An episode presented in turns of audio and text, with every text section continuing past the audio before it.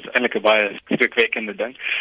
So basies waar dit gaan is dat as ons kyk na die komposisie van die atmosfeer, is dit hoe ons kan meet die impak wat ons energie verbruik het op die atmosfeer, reg?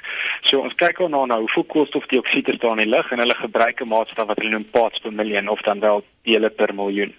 So wat hierdie rekord wat ons nou bereik het beteken is dat daar en 26 April toe die lesing geneem is, dat daar 410 dele koolstofdioksied per elke deel van die atmosfeer wat hulle dan gemeet het. So dit, dit klink baie wetenskaplik, maar eintlik hoekom dit so skrikwekkend is, is dat vandat ons dis baie duidelik vandat ons hierdie metings nie is die hoogste vlak wat nog ooit bereik is, maar as ons kyk na waar hierdie vlakke was by die draai van die industriële revolusie toe ons begin fossiel brandstowwe brand het, was dit 280 dele per miljoen. So ons is reeds omtrent 50% meer koolstof koolstofdioksied in die atmosfeer as voordat ons ons ekonomie begin verander het om te hardloop op steenkool en water, olie ensovoorts. As ons nou vir mekaar moet sê, luister, al ons pogings om hierdie vlakke af te kry, werk dit? Ons het die laaste 2 jaar gesien dat daar afplatting is in die hoeveelheid ekstra koolstofdioksied wat elke jaar wêreldwyd bygevoeg word aan nou in die atmosfeer.